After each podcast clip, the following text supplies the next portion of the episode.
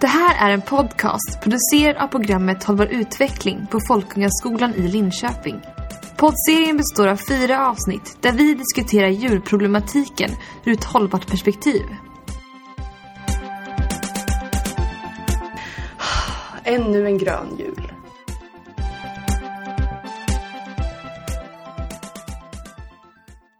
Hej och välkomna till avsnittet Tomten går... går... Ja, tomtens släde går på ren energi. Ah, just det. Ja, idag är det jag Maja Så det är Amanda. Och Donja. som pratar och vi går i samma klass med varandra. Vi tar studenten i år. Oh, oh. Upp. Ja, det blir kul. Och vi går ju på det också det här hållbar-programmet på Folkhögskolan i Linköping. Ja, Precis. och vi ska prata lite om eh, transport och jultraditioner.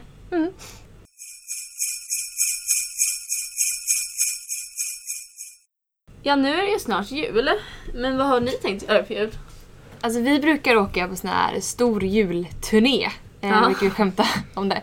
År blir det lite, lite kortare än vad det brukar vara. Eh, men det brukar vara att man åker till Småland, så åker vi till Örebro, så åker vi till Stockholm, så åker vi ner till våra kompisar i Småland igen. Inte samma tur såklart, vi måste åka runt en sväng innan man kommer dit.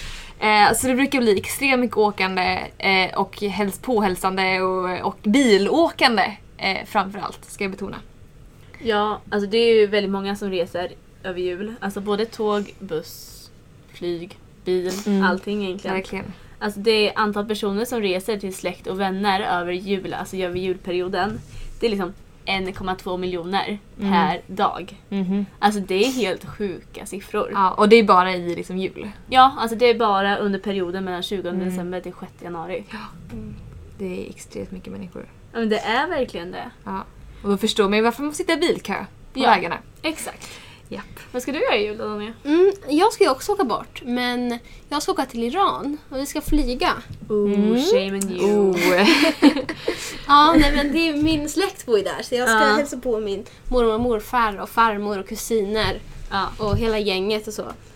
Eh, Men det blir ändå kul ju. ja, det ska bli jättekul. Ja. Ja. ja, alltså det är ju det. Det är många som åker bort över jul. En flyg. Med flyg, Långväga med flyg. bil och allting. Mm. Och alltså, man, jag tror inte så många vet hur mycket, re, alltså, hur mycket farligare för miljön det är att åka flyg än att till exempel åka tåg. Alltså till exempel så släpper en flygresa ut mer än 200 gånger större utsläpp än en tågresa. Liksom. Mm. Det är ju Väldigt mycket mer. väldigt mycket mer. Mm. Så man, man märker ju... Alltså man tänker inte på det när man sitter på väg någonstans. Det Nej. är så roligt. Men att det gör väldigt mycket i miljösammanhang. liksom. Ja, alltså det gör mycket att bara ta, alltså istället för att ta bilen så kan man ta flyget.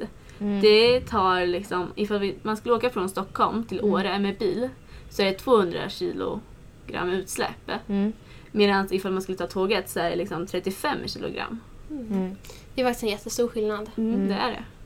Verkligen. Men alltså jag kan ju också förstå för att ifall jag skulle vilja boka en tågbiljett nu, typ till Mm. mina släktingar, så skulle ju inte det finnas. Nej. För tågen är ju fulla nu. Mm. Alltså det är som bussarna, jag tror de sätter in typ så här 200 extra bussar under Mm. julafton. Det är så mycket fler människor Ja, som, som är, åker. Alltså, som åker i trafiken. Ja, och då måste vi så kunna rusta samhället så man klarar av att göra en mer hållbar. Så man Ja. slipper åka bil. Men det finns ju inte nu. Alltså man måste Nej. boka i september om man ska kunna åka liksom någonstans med tåg Ja. över jul. Mm. Eh, och sen dessutom kommer säkert allt vara försenat också eftersom det kommer Ja. kanske snöa om det inte blir ännu en grön jul. Oh. Eller hur? Ja. Ja, alltså det finns ju en stor risk med bilåkande. Alltså inte bara att det släpper ut växthusgaser. Mm. Nej. Utan det är ofta halt på vägarna liksom under Precis. jul. Och det är många som är stressade så det går ofta ganska Ja. fort liksom. Mm. Och sen kommer man till köer och ja, alltså jag tror att det, det ökar med trafikolyckor under julafton. Ja, jag tror också. Men det finns ju faktiskt andra lösningar också. Ja, precis. Alltså det finns ju det som kallas skjutsgruppen. Och det är ju ett, ett initiativ som har fått massa priser. Och då kan man bara skriva in, okej jag ska åka upp med min farmor den, mellan de här dagarna och jag åker från Göteborg till Stockholm. Och sen så kan man bara så här, jag har så här många platser kvar i min bil. Och då kan någon som också åker samma tur, vilket förmodligen är ganska många människor, Mm. åka med min bil. Så då får jag eh, någon att prata med, någon att, någon, någon att dela bensinpeng med. Men också så blir ju utsläppet väldigt mycket mindre än om man ska ta två bilar och åka Ja. samma sträcka. Det blir också säkrare på vägen. Precis, det blir ju färre trafik Ja. liksom. Så det, jag, det är ju också så här, ja, man har ingenting att förlora på det. Nej. Det är jättebra grej. Vi har ju pratat med barn Mm. eh, som går i årskurs 3 på Bäckskolan i Kisa. Eh, om lite om hur de firar jul och eh, vad de tycker om julen och hur mycket bil de åker under julhelgen.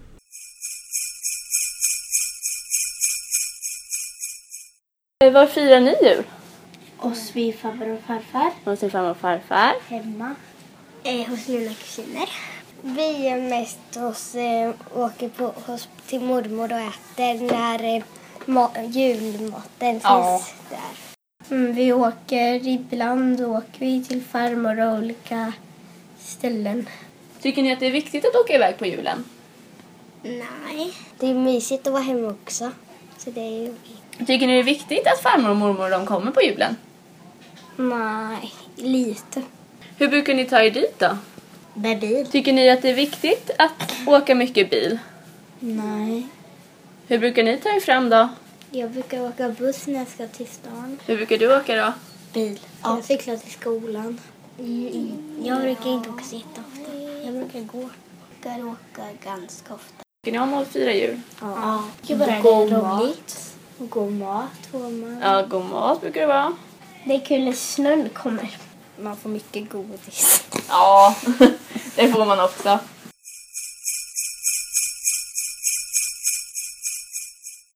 Ja, men alltså varför tror ni man åker bort så mycket över jul? Alltså det blir så ironiskt på något sätt. För det, man åker ju bort för att slippa julstressen, slippa julhandla, slippa stoppa skinka eller vad man gör. eller så här, slippa träffa sin släkt Ja. och så vidare. Så då måste man åka iväg till Thailand kanske. Ja. För att få lite julefrid. Ja. Man måste så här, stresspacka, hetsa iväg till Thailand för att få julefrid. Ja, men jag tror också att det har att göra med att man kan. Att man har råd, om man har några dagar ledigt eller man kan ta ledigt. Och eh, det visar också status. Ja, alltså Ja. det ger ju status. Det kan väl Ja, alla det är ju, säga. alltså man blir ju uppmuntrad till det. Ja. Man blir så, om man säger att jag ska åka iväg över jul. Men vad kul, vad mysigt för dig. Alltså, ja, själv ska ju bara stanna hemma. Alltså Mm. Ja. man, det blir liksom lite skevt. Det är en sån jargong vi har i Mm, samhället helt precis. enkelt. Eh, när jag var ganska mycket mindre så åkte vi till Thailand i jul. Och precis som vad många säger den vanligaste anledningen till att man åker utomlands så var det för att slippa julstressen Mm. och helt enkelt komma till värmen. Alltså det är så att 70% säger att liksom det största anledningen till att de åker utomlands över jul är för att komma till värmen och för att slappna av och ha det skönt. Men också 19% säger att det är för att det är skönt att slippa flänga runt under juldagarna. Och det är ju ändå en femtedel. Liksom. Var femte svensk vill slippa sin, sin släkt. Och ja, liksom, som reser iväg. Ja. ja, Det låter ju jättekonstigt. Men det är, alltså man förstår ju dem på ett sätt. Ja, verkligen. Ja, det är ju jättemycket grejer man måste fixa. Om man ska ha liksom släkt som kommer över. Eller man ska åka iväg och så blir det liksom... Det är Ja. jättemycket grejer. Man ska städa, Mm. man ska... laga mat och pynta. Ja. och, min familj brukar fira jul med en annan familj som bor i Stockholm. Och då brukar vi ha så att varannat år är vi hos oss och varannat år är vi hos dem. Ja, det brukar vara jättekul. Så vi, det är en gammal tradition som vi har haft i princip så länge som jag kommer ihåg. Eh, men det är väldigt jobbigt för mamma när vi ska vara hos oss för det är så mycket som behöver göras och förberedas. Behöver laga mat och städa och handla och liksom pynta. Ja men allt. Ja, Ja, det är så himla alltså- mycket att göra. Det är ju så. Precis, och samtidigt när vi åker till dem, då är det ju väldigt skönt för oss. Men då är det ju deras mamma främst eftersom att det är mamman som, precis som i stereotyperna, Oh ja. eh, som får städa och laga mat och Ja, och ordna alltså, allting. Så är det ju när man åker utomlands också. Man slipper ju. Mm. Alltså ifall man åker till ett så här stort hotell typ, så kanske de typ fixar ens julafton. Precis. Det kanske finns buffé. Ja, Och och, oftast liksom nu i länder som har många svenskar som kommer dit. De skapar ju liksom en julafton på hotellet fast att de kanske inte ens firar det. Ja. Det här året är det ju så. Vi, vi åker utomlands. Vi skiter i det här med att bjuda hem dem och städa. Vi ska inte ha någon julgran i år. Vi åker till mormor och morfar. Och om man åker iväg så slipper man ju också köpa julklappar på samma sätt. Ja. Ja, faktiskt det stod här att det är många som liksom vill ge som julklapp vill, de ge familjen en gemensam upplevelse. Mm, och det kan man ju förstå. Ja, Tycker jag är bättre. absolut.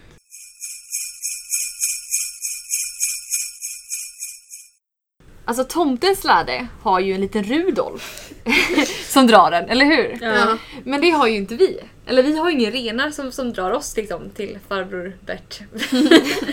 eller hur? Vi, vi, eller vad händer? Vad åker vi med? Ja, alltså, vi använder oss jättemycket av en ändlig resurs. Mm. Eh, det vill säga oljan. The idag. black gold. Ja, men vad kommer egentligen hända när oljan tar slut? Alltså jag tror inte vi förstår hur vårt samhälle är liksom invävt av olja. Hur beroende vi är. Alltså vi är så extremt oljedopade liksom att hälften av all olja går till, eh, till mat. Alltså till vår matproduktion. Jag tror inte man tänker det. När man tänker olja så tänker man "Ah, bensin, ja, vad är det mer? Jag vet inte så mycket mer vad Men det, är ju, alltså det finns ju allting. Det finns ju Julklappar. julklappar. finns det jättemycket av. Ja. I, liksom, i vår julskinka som nu det mat. Liksom. Ja. Det finns, och på väg till farmor och farfar och mormor och morfar. Alltså olja finns ju överallt i vårt samhälle. Även hur vi värmer upp våra hus. Liksom. Jag tror inte vi förstår hur beroende vi är av just liksom, olja.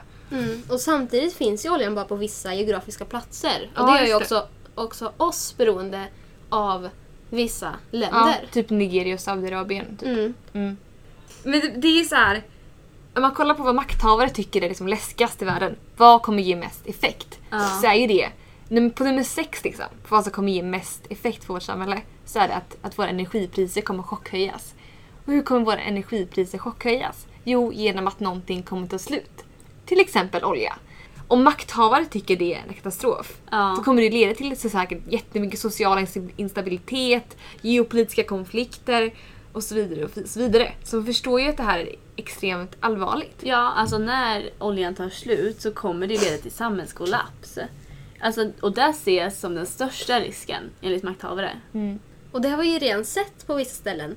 Oljekonflikter som påverkats av men också påverkar det politiska läget. I exempelvis Nigeria som vi nämnde lite snabbt tidigare så är den omfattande korruptionen eh, endast förvärrats av att de har just olja.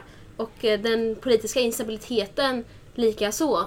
Det har inte blivit någon typ av förbättring bara för att landet har den resursen. Det är fortfarande lika stor orättvisa och utbredd korruption. Ja, och alltså man har ju hört att eh, Iran och Irakkriget baserats på, alltså inte bara USA, men stora makthavare har velat vara säkra på sin oljegång så det är därför de liksom har gått in i kriget. Ja precis, men så var det faktiskt just i Iran-Irak-kriget att eh, ehm, USA ställde sig på Iraks sida för att de ville säkra sin oljetillgång. När Ja. kriget egentligen inte handlade om oljan.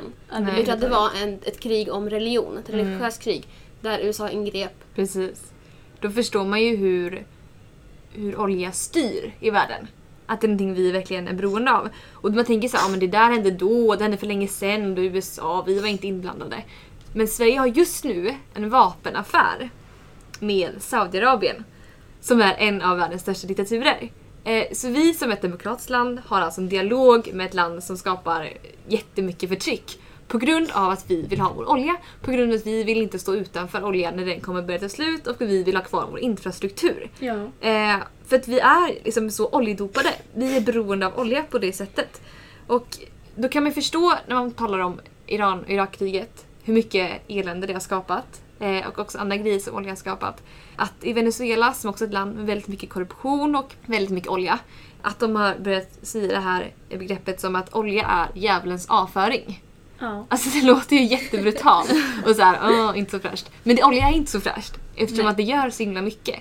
Det är som ondskas, produkten av ondska liksom. Mm. Ja, alltså i Saudiarabien, deras samhällsstruktur och ekonomi har ju gått framåt sedan de hittade olja. Men till exempel i Nigeria har det varit för korrupt för, korrupt för att de har kunnat tjäna på det. Liksom. Mm, precis, det politiska läget förhindrade dem för att eh, utvecklas. Ja, men jag kan ändå förstå båda parterna. För att USA till exempel, deras och vi i Sverige, alltså vår samhällsstruktur är ju byggd på att vi ska ha olja. Så det är självklart att vi kämpar för att ha kvar oljan för att vi vet inte vad som skulle hända ifall oljan tog slut, ifall vi inte Nej. hade några Det är oljetillgångar. ingen som vet.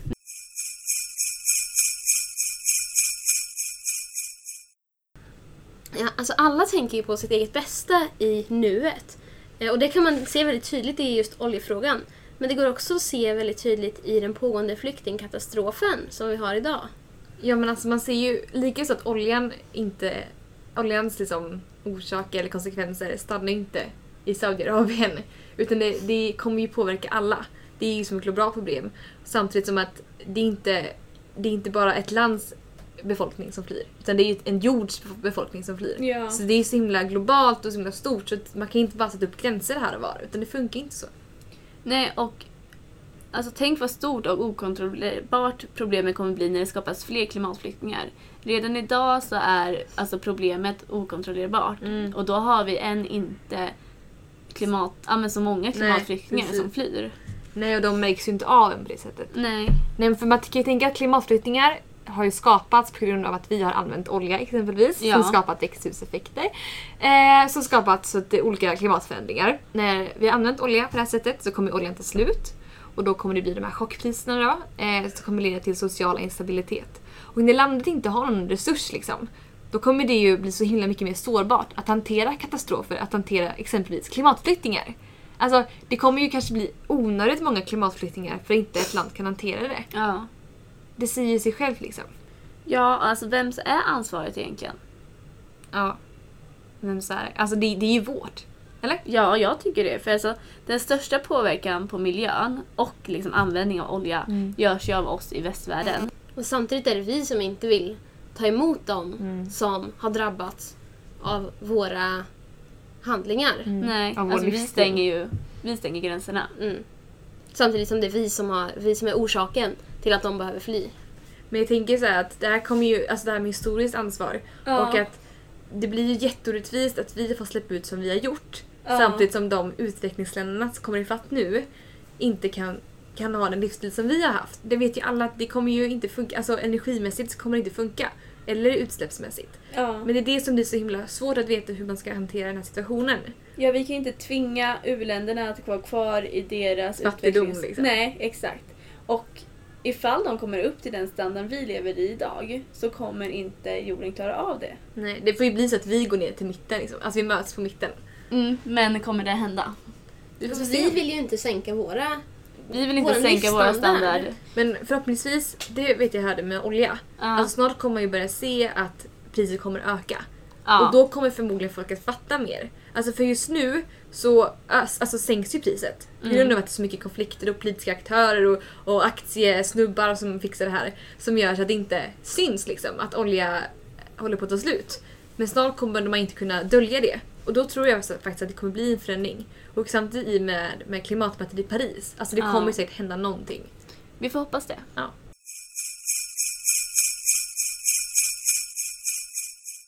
Men jag tycker faktiskt det är väldigt konstigt att olja fortfarande liksom ses som årets julklapp. För visst gör det ändå det?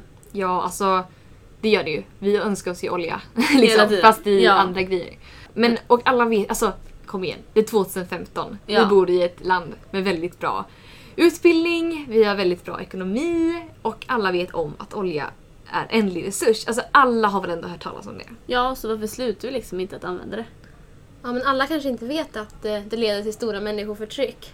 Nej. Alltså alla vet ju att det leder till koldioxid. Eller jag hoppas det i alla fall. Ja, men det tror jag. Ja, det tror jag också. Men, och som leder till klimatförändringar. Det tror jag också de flesta har förstått nu. Ja. Mm, och att det i sin tur leder till klimatflyktingar. Det kanske inte alla har förstått. Men, Men det hoppas vi, hoppas att nu med Musikhjälpen. Musikhjälpen Ja, exakt. För jag menar, alltså det är 12 grader i december. Var det förra veckan? Det känns ju lite konstigt. Ja, alltså jag såg att, eh, alltså jag läste förra veckan en artikel om att det var 12 grader liksom, på en dag förra veckan som medeltemperatur i Stockholm. Och på midsommarafton var det 10 grader. Det var alltså varmare än dagens I i december. december, än på midsommarafton. Mm. Det är ju jättekonstigt. Och det här- alltså alla alltså är, är ju ändå utomhus liksom. Ja, alltså alla vet ju om det här. Ja, Jag tror bara att man väljer att inte se det.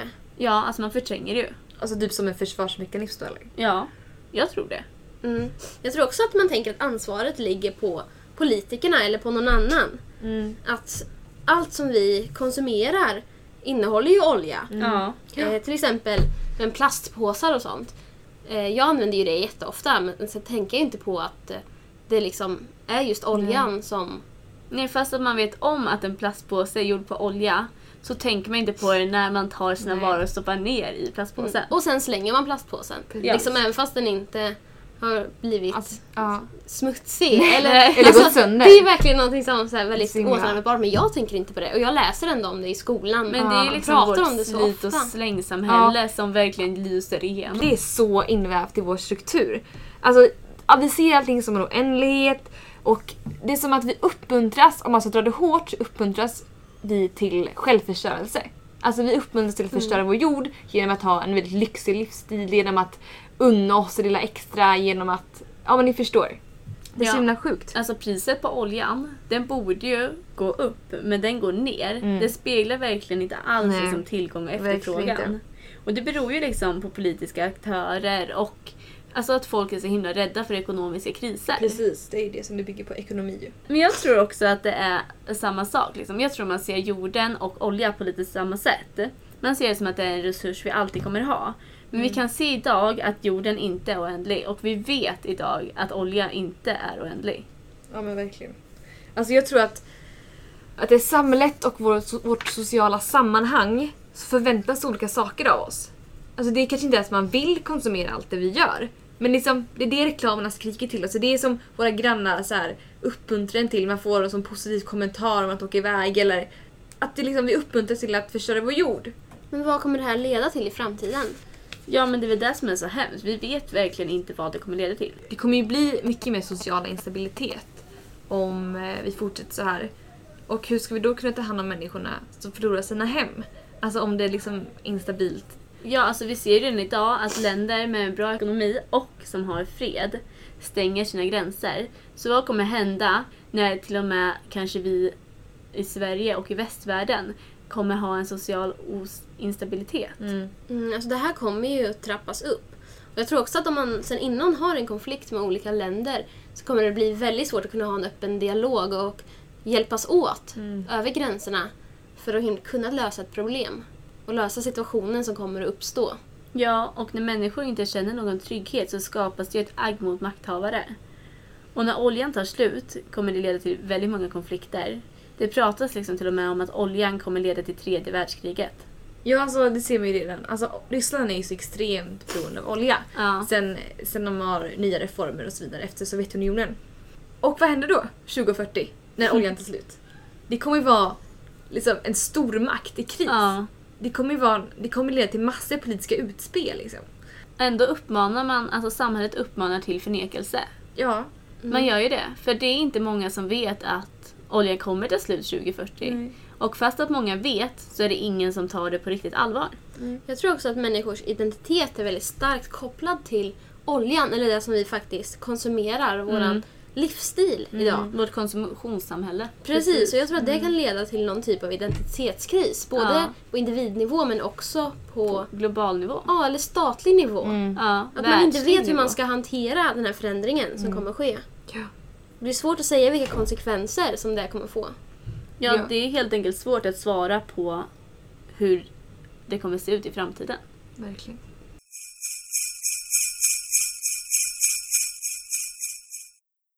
Alltså, jag har faktiskt lite dåligt samvete över att jag inte gör mer.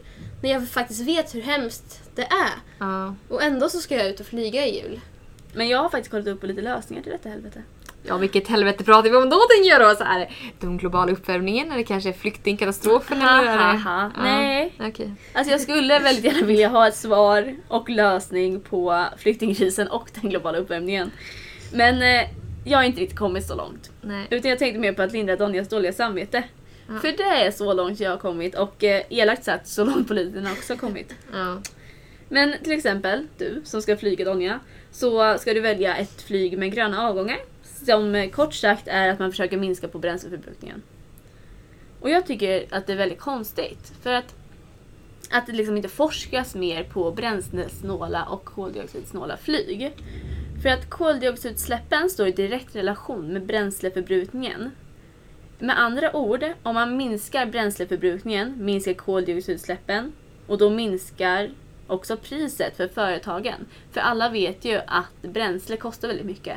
Så ifall de skulle skaffa ett flyg som var mindre bränslesnålt så skulle det sänka kostnader och också sänka utsläppen av koldioxid. Alltså när du säger sådär så låter det så himla logiskt. Alltså, det låter jättelogiskt. Ja, det känns ju verkligen som en win-win situation. Men eh, det är inte mycket forskning på det här. Nej. Men alltså det kan ju bero på typ att, att oljeföretagen lobbar mot så här, klimatrörelser. För de, de kommer ju faktiskt orsaka en av de största humanitära och globala liksom, ekologiska katastroferna Ja. i, alltså i vår tid. Och det är klart man inte vill, man vill skylta med det. Nej. Det vill man ju verkligen sopa under mattan liksom, om något.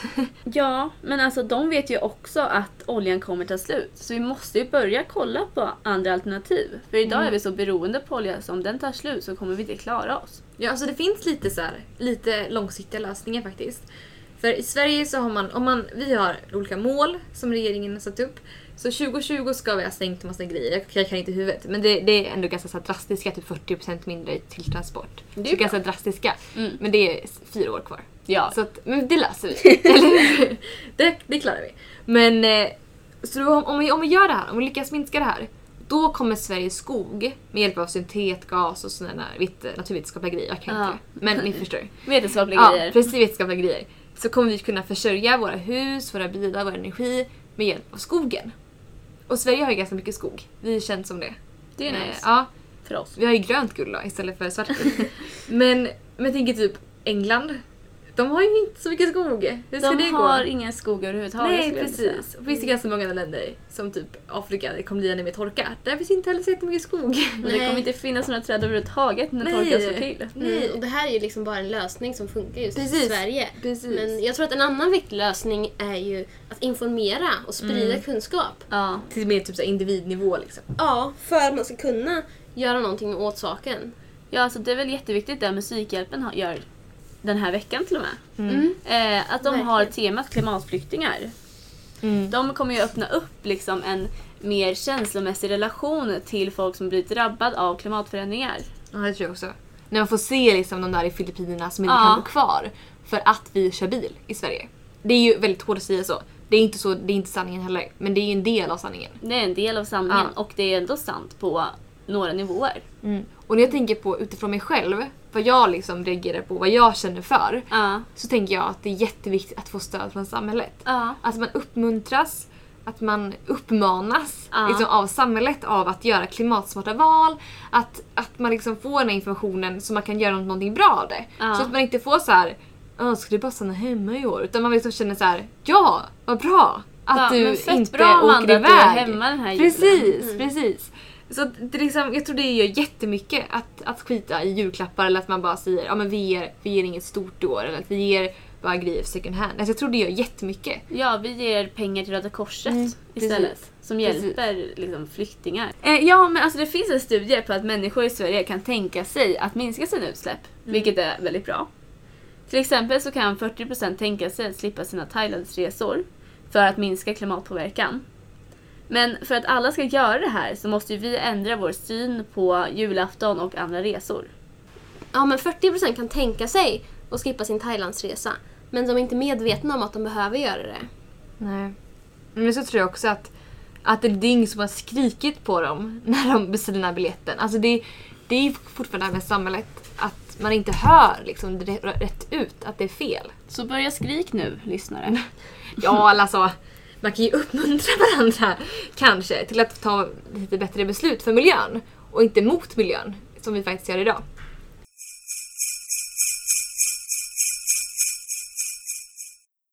Ja, så eh, nu har ju vi varit ganska luddiga här och kommit med väldigt mycket olika saker som ni kan göra och saker ni inte ska göra. Så finns det tre konkreta tips på vad ni kan göra för att eh, ja, men ta ett steg mot en bättre värld. Ja men faktiskt. Klyschigt sagt. Ja, det är fint.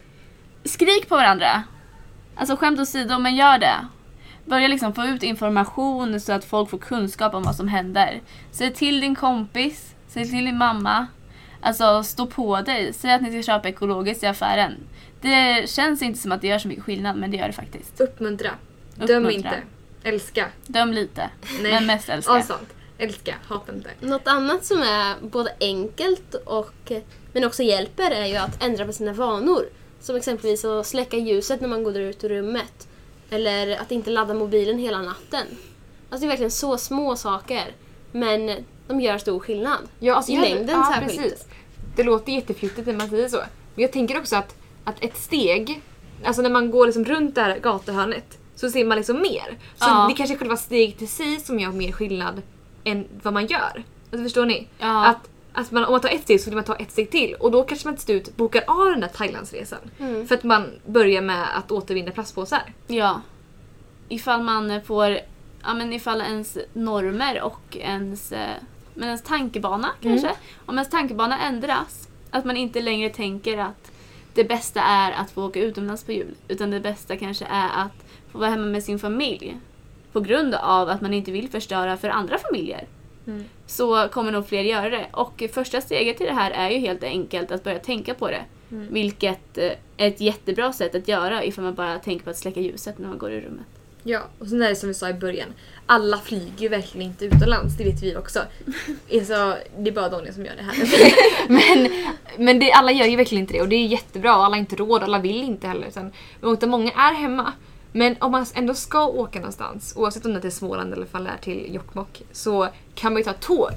Alltså det, vi måste börja tänka på nya alternativ. Och det här måste ju såklart samhället följa med oss i utvecklingen när vi tänker de här tankarna. Men, eller kolla skjutsgruppen. Ja men till exempel i Norge, alltså jag vet över jul, då så sätter de in massa extra tåg och massa extra plaster, platser på tågen. Till skillnad som vi gör här i Sverige där det typ inte ens finns möjlighet att åka tåg över Nej. julafton. Den Eller över juldagarna. Men om det här sker, vilket vi tror kommer hända snart, så, så åk tåg. Alltså det, det är så enkelt liksom. Och det går ju faktiskt att ifall efterfrågan på tågåkande ökar så Mm. kommer ju troligen SJ att öka sin Tågtrafik. tågtrafik. Mm. Vilket skulle vara fett nice. Mm. För att eh, då kanske också staten bara åh, vi gör det lite billigare också. Precis. Och med det här avslutar vi det här avsnittet Ja. av Ännu en grön jul. Precis. Eller ja, alltså avsnittet heter ju Tomtens släde går på ren Ja, energi. det är ett avsnitt av podden Ännu en grön jul. Yes! Ännu en grön jul. Ja, så vi vill ju bara säga god jul. Hoppas att vi inte har... Eller vi vet inte, man vill ju ändå förstöra julstenen lite grann. Eller tänka på oljan liksom. Eller få upp tankarna bara. Jag vet inte. Ja, alltså vi vill väl eh, bara att ni ska tänka på det här när ni köper era julklappar. Det finns ju Och faktiskt åker iväg. det finns ju bra julklappar också kan vi Ja. säga. Ja, ja. Ni behöver inte köpa liksom, materiella saker. Och så länge man inte köper för mycket av någonting så brukar det bli bra. Ja, dra ner på det. Alltså konsumtionshetsen är väl det värsta egentligen. Ja, ett fjärde tips där mitt i alltihop. Ja. Hej då, god jul! God, jul.